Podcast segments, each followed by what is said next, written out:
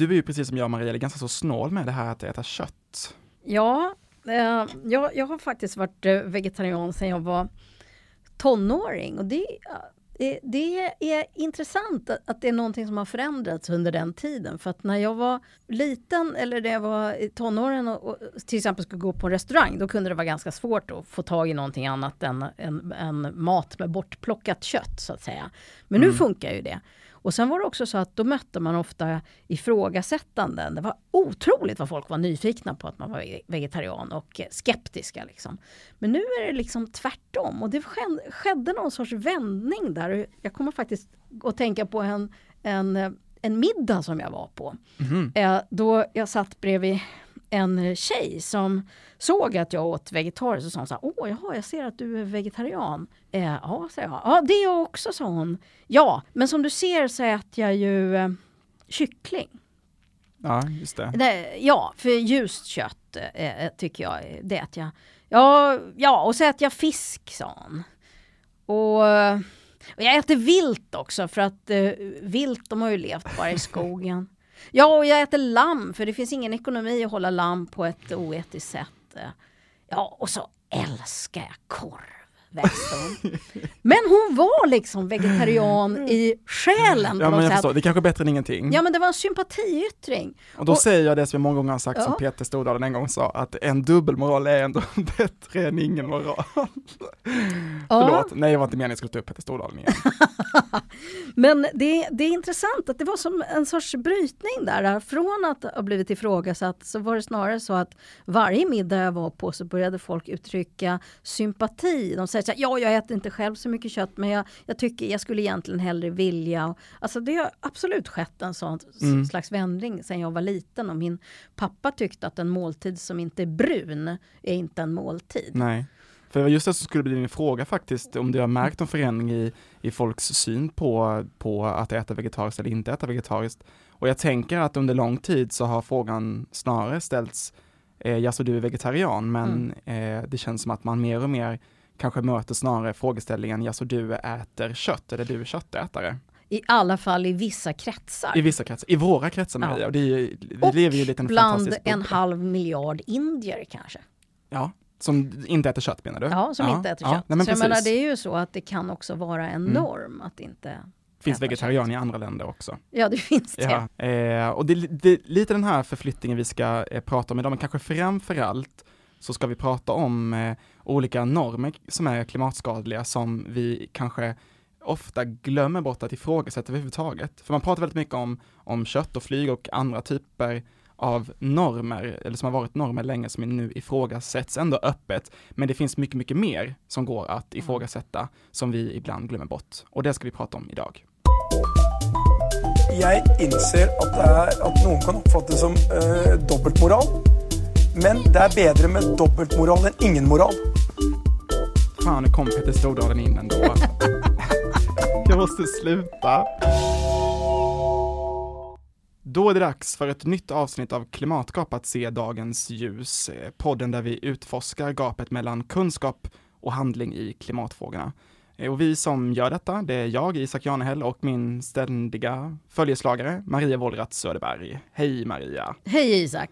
Hur mår du idag? Ja, det är, det är faktiskt alldeles utmärkt. Ja, du strålade på något sätt när du kom in i studion här idag. Ja, det är min aura. Ja, det är helt fantastiskt. Eh, idag ska vi prata om normer. Är du en, en, en, en normbrytare eller en normföljeslagare generellt? Jag tror jag är väldigt mycket en normföljeslagare, för jag vill gärna tro att jag är en normbrytare. Dead fish follow stream så att ja, säga. Ja, mm. men alltså det, ibland får jag en chock när jag upptäcker saker som jag tar för givet. Eh, jag, nu, jag tror att jag är så himla framsynt och har koll på mig själv och mm -hmm. så, upptäcker jag. Har du något exempel på det? Ja, men, eh, ja vatten Vattenförbrukning, det har jag tänkt mycket på senaste tiden. En sak som vi tar för givet som faktiskt verkligen är ett hot, kanske inte egentligen mot klimatet utan när eh, klimatkrisen breder ut sig så är det ju så att vi använder alldeles, alldeles för mycket vatten. Och eh, jag har ju en vattentoalett. Mm. Eh, och det har ehm, ju, eh, har vi ju alla liksom välutrustade hem och betraktar som en självklarhet och kanske inte en utan många till och med. Jag hörde någon gång mm. att eh, om man skulle låta mm. en fotboll eh, representera jorden så skulle en pingisboll representera allt eh, sötvatten som finns på hela jordklotet och en ärta skulle symbolisera i så fall allt det färskvattnet som man har tillgång till. Ja.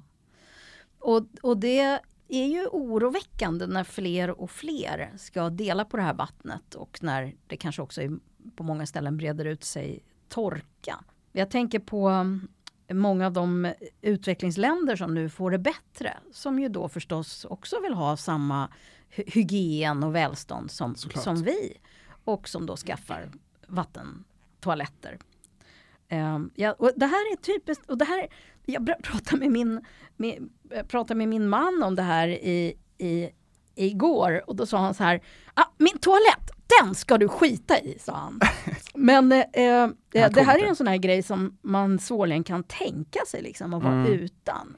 Men jag, Men- jag tänkte ja. precis det också att det kanske är många våra lyssnare som direkt reagerar. Här ska vi prata om Mm. eh, klimatskadliga normer och vi har redan räknat upp till exempel flyg och kött och sen så ger vi oss på det första vi, vi gör, vattentoaletten. Och kanske det mest heliga dessutom i Ja. hemmet. Precis. Men jag tänker på, jag läste en gång en rolig avhandling som heter The History of Shit. Mhm. Eh, eh, som, jag kommer inte ihåg om det var en sociolog eller socialantropolog som har skrivit den. Dominique Laporte i alla fall. Eh, och där fick jag klart för mig att många saker som jag har tagit för givet att de är självklara är väldigt nya. Som till exempel detta att man har en vattentoalett. Men också såklart, det visste jag i och för sig, men, men en massa andra saker som har med hygien att göra. Som har att göra med hur vi eh, tvättar oss, hur mycket vi tvättar oss, eh, vad man gör med skiten om vi tänker så till exempel eh, eh, eh, om man sp- spolar ut eh, skiten i, i, i ett avloppssystem och så ska det renas och så vidare. Då betraktar vi ju det som ett avfall som vi ska bli av med. Men under, lång, under långa tider i mänsklighetens historia så har skit varit en resurs för man har använt det på en massa olika sätt. Mm. Och det fanns mycket andra saker också som jag reagerade på som har med faktiskt på lite längre sikt med, eller på lite längre avstånd med klimatfrågor och hållbarhet att göra. Som till exempel det här med bostadsnormerna. Att vi tänker att det till och med är socialbidragsnormen inskrivet att varje barn ska kunna ha ett eget rum. Mm. Och vi har, har kanske helt enkelt för stora bostäder för att det egentligen ska långsiktigt fungera om alla på jorden hade det. Och eh, normen också. tänker jag med den stora mängden ensamhushåll som finns eh, i Stockholm som är väl ett av de, eh, eller i Sverige som är ett av de länderna Ja. med, med flest personer som bor Ja. ensamma helt enkelt. Till och med en sån grej som den egna sängen enligt den här avhandlingen av, av Dominique Laporte. Eh, jag tror det var en avhandling i alla fall. Jag, jag ska kolla upp. Men eh, till och med den egna sängen är en ganska ny uppfinning. Man Mm. delade säng tills för bara ett par hundra år sedan. Men jag tänker just de här Mm. normerna som på många sätt är en del av, eh, vi kanske ska säga också liksom ett västerländskt normperspektiv, för det kan ju Ja. ändå se olika ut på olika eh, platser i världen. Mm. Men om vi utgår ändå från liksom hur vi lever vårt liv här och de normer som råder, eh, på vilket sätt kan vi liksom påverka eh, klimatomställningen genom att ifrågasätta till exempel levnadssätt som köttätande, flyg och så vidare och så vidare. Ja, alltså det är väl så att vi helt enkelt måste det. Alltså, eh, nu känns det oroväckande att jag började med att tala om vattentoaletten. Då kanske, kanske våra direkt. lyssnare slutade direkt och tänkte så här, ja men gud föreslår de här människorna att jag ska inte använda vatten, att vi ska börja med torrdass igen. och det var inte riktigt det som är poängen. För igen, men exemplet är inte så tokigt ändå, därför det pekar mot något viktigt, nämligen att här finns målkonflikter. Mm. Eh, det är ju, FNs eh, utvecklingsprogram konstaterar att 1,8 miljoner barn skulle överleva om de hade vattentoalett, så, som Mm, nu inte mm. har det. Nej. Och, och, och det här, den här ökade hygienen har förstås liksom eh, eh, gjort, gjort våra liv bättre på så himla många vis. Mm. Och, eh, eh, så det är ju det som är problemet med en del i alla fall sådana här normer. Att det, är, att det finns någonting väldigt positivt i dem och då är det jobbigt då att börja undersöka dem. Men Ja. kanske måste vi börja, börja ompröva åtminstone en del av de här normerna. Jag tänker att normen bygger just på människors uppfattning på många sätt eh, av en själv och det är liksom det som, som är lite min kärnfråga på något sätt att liksom hur mycket, vi har pratat lite om detta i tidigare avsnitt också, men vi kan, det tåls att på något sätt komma in på det en gång till och det är just hur stor, liksom hur mycket låter vi andra människors eh, syn på en själv påverka, alltså hur viktigt i klimatarbetet är det att vi eh, tillåter oss att ifrågasätta andra personers levnadssätt och vårt eget levnadssätt genom att försöka bryta de normerna. Det är väl i alla fall viktigt att vi diskuterar det. Eh, eh, och, och också är beredda att bryta normer. Men det är rätt smärtsamt tror jag. Jag funderade igår på vad, vad är det som skiljer normer från vanor. Jag tänker att en, en vana den kan vara individuell men en norm är alltid i någon mening social. Precis. Och att en, eh, en norm är också investerad i på olika sätt med liksom positiva laddningar. Och, och en norm innebär också att någonting är onormalt. Alltså att mm. något kan vara onormalt. Det är en sorts måttstock på något vis för, för vad vi tycker är ett rimligt liv. Och det är också så tror jag att vi ofta tänker att det som är onormalt då eller som inte följer normen på något sätt är antingen hotande eller lite äckligt. Det skulle mm. vi tycka till exempel om folk, eh, eh, man kommer hem till en vän och så har de ingen vattentoalett. Nej. El, eh, Då skulle många reagera. Ja men det finns massa, jag tycker hygien Kanske faktiskt. Till, till, till och med du. Ja, till och med jag. Mm. Ja. Men jag, jag tänker på liksom två liksom lite större övergripande normer som jag har funderat lite över inför det här samtalet är, är dels den konsumtionsnorm som råder i, i det västerländska samhället och vi bygger ju lite vår samhällsekonomi på många sätt. Den bygger ju på eh, konsumtionsbeteenden. Och jag besökte nu i helgen en nyöppnad utställning på Etnografiska museet här i Stockholm som just i utställningen Human Nature ifrågasätter just eh, eh det här konsumtionssamhället ja. och de följder som det har. Vi låter ju på många sätt konsumtionen eh, bekräfta vår egen självbild. Som jag tänker det så är konsumtionen så extremt djupt rotad i, i våra beteenden. Hur är det ens möjligt att bryta det här beteendet? Det är ju en grundförutsättning, tänker jag, för den ekonomi som, som eh, har liksom gett oss vår eh, levnadsstandard. Ja, kanske är det så att vi har blivit inskolade i att eh, överdåd är något positivt. Och det är inte så konstigt för att om vi tänker oss att eh, avsaknad av det nödvändigaste det kan ju aldrig vara något positivt. Men, men sen så kan det hända att det här, det här har på något vis gått till överdrift på något sätt. Jag tänker på eh, man jämför ju alltid med när man själv var liten. Jag tänker på att vi, vi, är, vi är uppvuxen i en medelklassfamilj med helt okej okay, ekonomi, inte topp liksom, men, men, men, men i, inte något armod i alla fall. Och jag fick ett par julklappar när jag var liten. När jag ser, när jag ser mina barn i min familj nu så mm. är det mm. berg av julklappar. Mm. Och jag bidrar själv till det.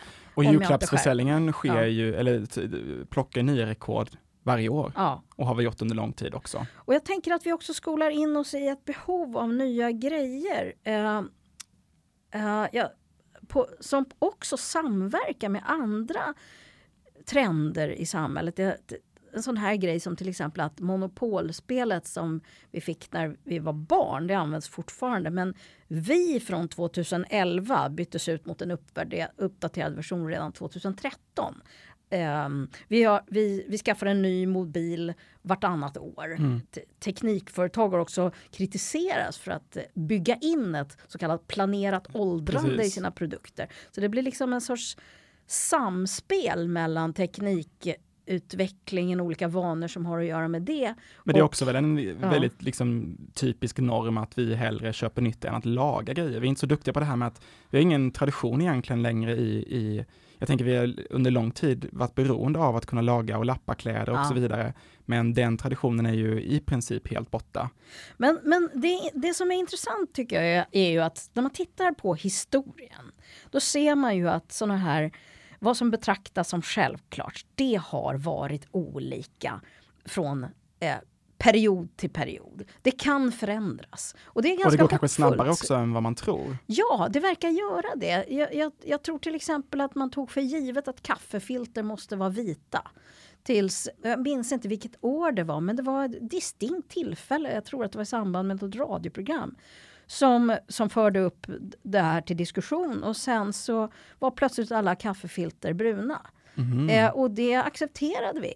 Eh, mm. ganska snabbt. Toalettpappret är fortfarande ganska så välblekt så, och fint. Ja, fast det var också en period när det var väldigt vitt och så kritiseras det och då blev det lite brunare och sen har det blivit vitt igen fast nu förmodligen med andra typer av blekningsmetoder. Mm.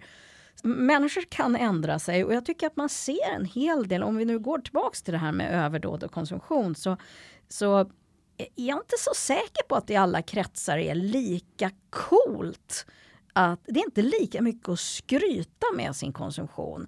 I många kretsar jag befinner mig i så är det snarare så att man gärna pratar vitt och brett om att man har så att säga downsizat eller att man har att man har börjat med eh, och, och, och, och vara med i en bilpool till exempel. Mm. I sådana här hipsterområden där mina barn bor till exempel. Eh, där växer upp sånt här som prylbibliotek, eh, barnklädesbibliotek eller verktygsbibliotek, sportgrejsbibliotek. Eh, delningsekonomi på, på en massa olika sätt. Och det är någonting som man lyfter fram och kanske inte skryter med men i alla fall är påtagligt nöjd med att prata om. Och, och, mm. och då, då, ser man ju att det är någon sorts liksom normförändring på gång, åtminstone lokalt.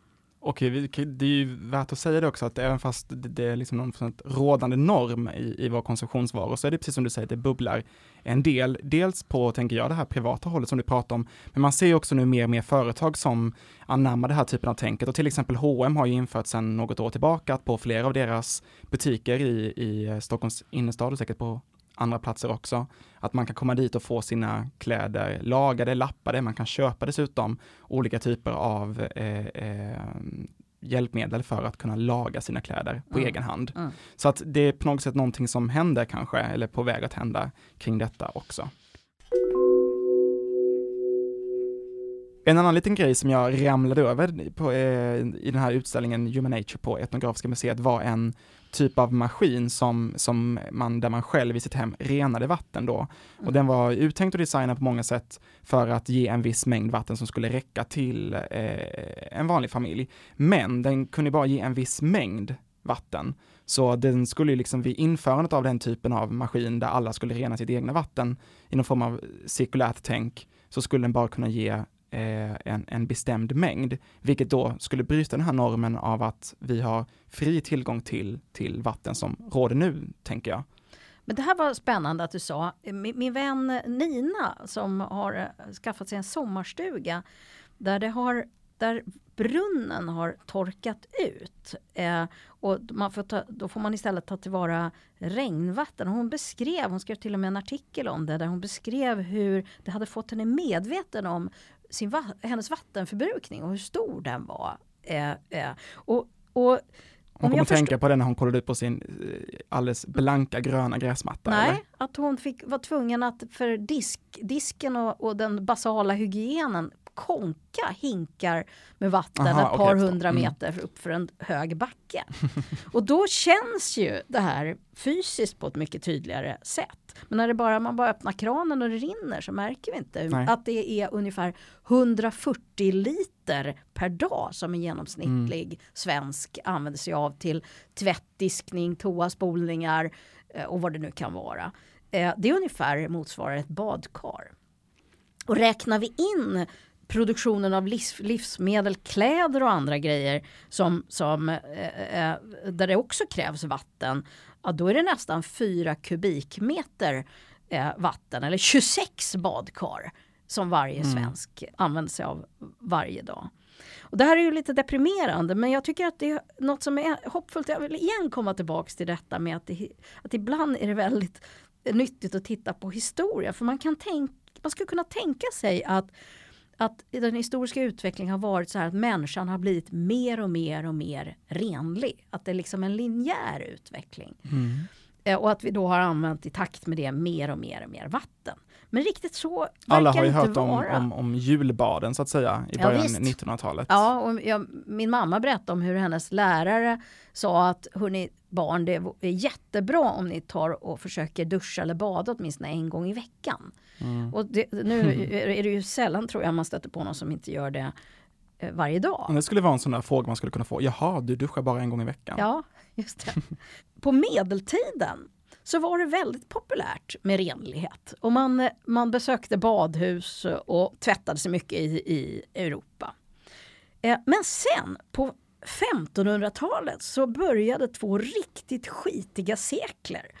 Och, och det mm hängde ihop med att man började anse att det var lite dekadent att bada. Man såg liksom badhusen som syndens näste och faktiskt som pesthärdar. Och det var en hovläkare som hette Ambrose Paré på 1500-talet som sa så här att Ångbad och badhus bör förbjudas då huden blir mjuk och porerna öppnar sig efter badet. Konsekvensen blir som vi har sett att pestsmittade dunster kan tränga in i kroppen och orsaka en ögonblicklig död. Ja. Jag är lite spänd på vad du ska komma eftersom att mycket av det du säger bygger på eh, okunskaper, men okej. Okay. jo, i och för sig. Men det, det var ändå så att det bredde ut sig föreställningar om att, att det inte var så bra och eh, att man inte skulle vara så ren. Och att det var liksom lite feminint eller lite löjligt eller sådär. Och varför dit vill vi inte tillbaka. Här, nej, dit vill vi inte tillbaka. Men varför jag berättar det här är att den här föreställningen om en sorts linjär utveckling mot mm. mer eller mer, mer renlighet eller vad det nu kan vara, mer eller mer eller mer kons konsumtion eller vad det nu kan vara, mer eller mer resande. Man ser det som någonting oundvikligt och som är omöjligt att stoppa. Men det verkar inte riktigt vara så, utan det verkar snarare vara så att det ja, pendlar lite fram mm. och tillbaks. Normer kommer och går. Ja. Det var ju inte länge sedan som vi började äta till exempel den köttmängden som vi gör idag. Det är alldeles riktigt. Det vi tycker är kanske en, nästan en mänsklig rättighet. Även om vegetarianismen har ökat så har ju också köttätandet ökat. Definitivt dels har det att göra med att vi har blivit rikare och haft råd. Eh, men dels har det också, tror jag, spelat in att det har funnits en del sådana här dieter som har varit väldigt populära. Mm. Eh, där man ska liksom äta väldigt mycket kött. Mm. Jag tänker Maria, om du möjligtvis känner igen det här citatet Fairy Tales of Eternal Economic Growth. Ja, Eh, kanske, ja, jag vet inte om jag känner igen eh, det citatet. Jo, men vänta, var det Greta Thunberg som sa det? Precis, det sa just hon det. i sitt tal i FN. Och det, jag, hon satte ju fingret där på någonting som är väldigt viktigt i den här ah. diskussionen, just normen som handlar om ekonomisk tillväxt, att det liksom skulle vara grunden till hur hela vårt samhälle ser ut och en, eh, den enda möjligheten för liksom en god levnadsstandard. Ah. Och hon har ju varit en stark förespråkare för att eh, eh synen på ekonomisk tillväxt som, som på något sätt ständigt närvarande måste brytas. Ja. Vi kan ju lyssna lite kort på hur det lät. Entire ecosystems are collapsing. We are in the beginning of a mass extinction and all you can talk about is money and fairy tales of eternal economic growth. Just det, och nu talar man ju om sånt som degrowth uh, uh, som en idé. Mm. Uh, att man alltså skulle kunna arbeta med, med att försöka alltså avsiktligt minska tillväxten. Men då dyker det ju upp en mängd olika typer av problem av den här målkonfliktkaraktären som vi har pratat mycket om tidigare. Precis. Eh, så det här är jättesvåra frågor. Om man tänker att den här ekonomiska tillväxten går förlorad så tänker man nog också samtidigt att en stor del av vår levnadsstandard eh, går förlorad som att vi är beroende av den här marknadsekonomin som styr vårt samhälle. Och det är ju intressant för att eh, den, det finns ju också en, eh, en rörelse kan man säga med människor som eh, tänker sig att, att man kan eh, fortsätta utveckla sin levnadsstandard men utan att tära på jordens resurser. Eh, genom till exempel att ha mer fritid, att leva enklare, mm. att, eh, och att på olika sätt eh, få ett gott liv eh, utan eh, liksom en, en extrem användning Exakt. av resurser. Tänk att det handlar väldigt mycket om också varje hushålls och varje individs mål att, att hela tiden öka lönen, öka ja. boytan, konsumtionsmöjligheterna, levnadsstandarden, antal resor och så vidare och så vidare. Och det är ju så att det är mycket väl belagt att eh, att det finns starka samband mellan inkomst och klimatpåverkan. Mm. Det är ju helt enkelt så att då, då kan man köpa mer, resa mer, bo större, ha mer bilar. Det är en klassfråga helt enkelt. Ja, eh, det, det är det ju. Men man kan ju möjligen tänka att du och jag pratar utifrån en väldigt privilegierad position här. Alltså att vi överhuvudtaget kan tänka att vi befinner oss i en situation där vi kan downsiza så att säga. Ja, det är lyxigt. Ja, det är lyxigt. Och, och då kan man tänka så här, men alla stackars alla andra då som inte har så himla mycket eh, resurser eller välstånd, hur skulle de kunna liksom bidra till att lösa klimatproblemen. Men då är det enkla svaret att det gör de redan. Alltså det är snarare, är det vi som talar från den här privilegierade positionen som måste mm. eh, eh, Eh, skärpa oss. Därför det är vi som, har de stor, som genererar de stora utsläppen. George Bush sa vid Rio-konferensen 1992 att så här, den amerikanska livsstilen är inte förhandlingsbar. Nej. Och det är ju, det, detta, Med den inställningen så kommer vi Det är en inställning som är väldigt oroväckande som man i olika varianter liksom har hört mm. eh, eh, efter det. Och jag tänker också bara på en sån sak som de undersökningar som jag själv har hållit på med med människor som, som, eh, som egentligen vill leva ett klimatsmart liv men som kanske ändå har stora utsläpp som säger sådana här saker som att ja, men man har ju ändå rätt till eller eh, man måste få unna sig eller man kan ju inte behöva, eller man ska ju inte behöva ändra sin liv, man ska ju inte behöva uppoffra sig mm. och så vidare. Och den, uh, det antagandet att, att det liksom är någon sorts naturnödvändighet att vi, att vi ska kunna fortsätta som vi gör och samtidigt rädda klimatet. Ja, det kanske är en tanke vi måste ompröva. Jag tror att den självbilden på något sätt bygger på samhällsnormen på vad man har rätt till. Och, och... Ja, jag tror det. Ta en sån sak som uh, som just eh, semesterresor då. Mm. Som ju någonting jag faktiskt har tittat närmare på. Jag trodde du skulle säga som du har gjort många. ja, det har jag också gjort. Eh, och kanske var det faktiskt så att jag också, precis som många av dem som har svarat på vår undersökning, såg det lite grann som en mänsklig rättighet. Mm. Eller som ett självklart gott eh, att, att, eh, att, att resa mycket. Att, eh, eh, ja, man, att det var en sån människa man skulle vara, en globetrotter som som eh, är, bildar sig genom att uppleva olika kulturer och så vidare. För att blotta min egen okunskap mm. lite ännu en gång så, så eh, blev jag väldigt förvånad första gången du berättade för mig hur många procent av jordens befolkning som flyger aktivt eller som kanske någonsin har flygt. Ja, för några år sedan så, så var det ju runt 3-4 procent. Ja, så det är en norm ja. alltså som bara finns ja, hos 3-4 procent av jordens befolkning? Det är väldigt lo, lokal norm. Nu kanske, ja just nu är det ju en, är förstås mindre under coronaepidemin, men det är möjligt att, att, att det hade ökat där strax innan. Mm. Mm. Många idéer vi har om vad som är det rimliga livet eller vad som är en sorts rättighet eh, eller vad som är ett gott liv som eh, är väldigt lokala i tid och rum.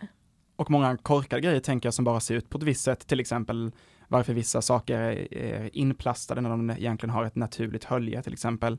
Varför ja, gurkor är inplastade men inte äpplen till exempel. Ja, vilken bra fråga. Mm. Det tänkte jag på när jag senast var i USA, dit jag förmodligen aldrig kommer resa igen eftersom jag har slutat flyga.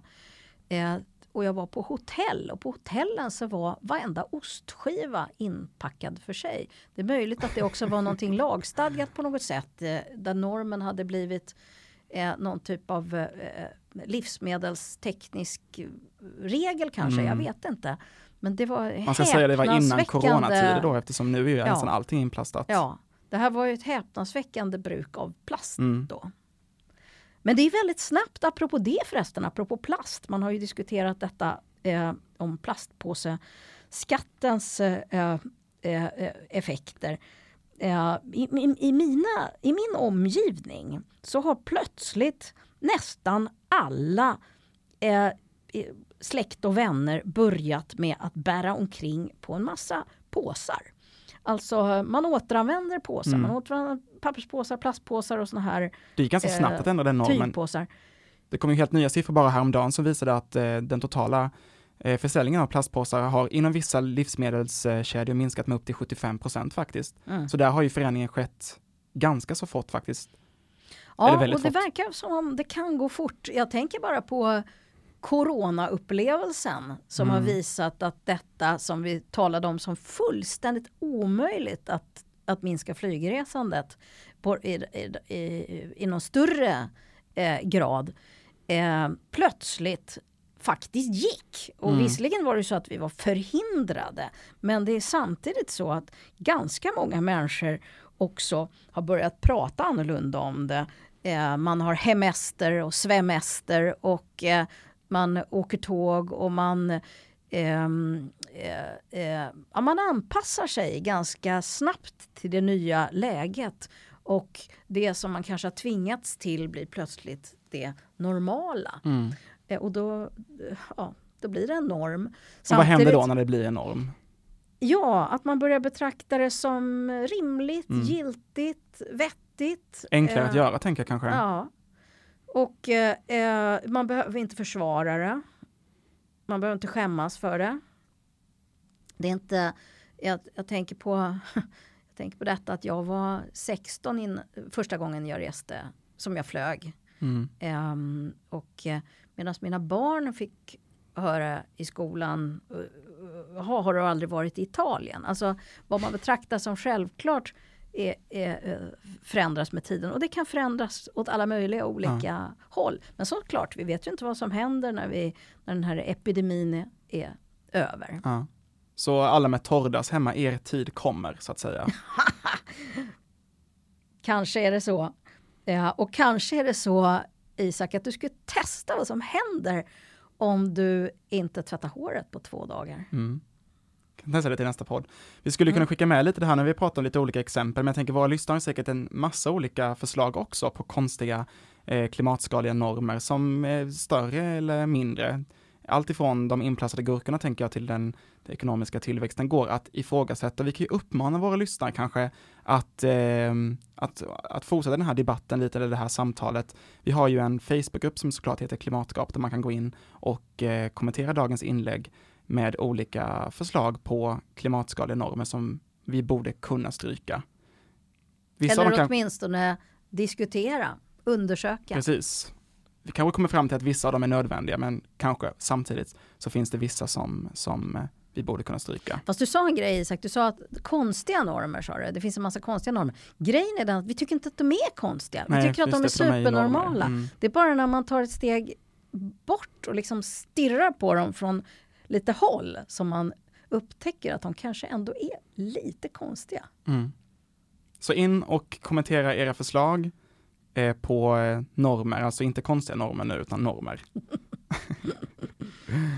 Och passa på att gilla, oss, gilla vår sida också. Ja, just det. Vi, Mm. vi gör ju det här samtalet och det är väldigt kul att se, Maria, att vi har liksom en fast följarskara på något sätt. Vi, vi ser ju alla som väljer att sätta på vår podd eh, veckovis och eh, vi blir så himla glada av att veta att ni lyssnar och tycker ni att vi gör ett bra jobb, det hoppas vi ju ändå, så, så får ni jättegärna hjälpa oss att sprida det här samtalet till, till ännu fler så det här kan växa sig till, till en, en större folkrörelse kanske. Och apropå lyssnare, så det här samtalet vi har haft idag om normer, det har vi utifrån ett förslag från en lyssnare. Just det, precis. Så det finns Så alla, kom med fler förslag. precis. Vad vill ni att vi ska prata om? Kommentera, prata med oss på vår Facebookgrupp som heter Klimatgap.